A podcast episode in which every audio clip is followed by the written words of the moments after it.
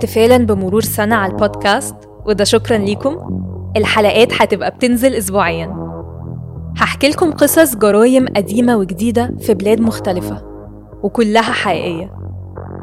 أول أربع حلقات هيكونوا عن قصص مشهورة من التاريخ. وفي نهاية الموسم في أكتوبر محضرة لكم حلقات مفاجأة. الهدف من البودكاست ده إني أقدم لكم حقائق على قد ما أقدر مش الهدف إني أهول من الأحداث. وهيفضل دايما في أولوية لاحترام الضحايا والمعتقدات والثقافات المختلفة اللي بحكي عنها. وبرضه هحاول أبين الآراء المختلفة في كل قصة. لكن زي ما بهتم إني أوريكم كل وجهات النظر ما أقدرش أقول إن البودكاست ده حيادي. لأني وأنا بكتب القصة ببقى عارفة بالظبط رأيي إيه وأكيد بحاول أوصله بشكل ما. فزي أي محتوى تاني اسمعوه بحذر. وما تنسوش تكونوا رأيكم الخاص.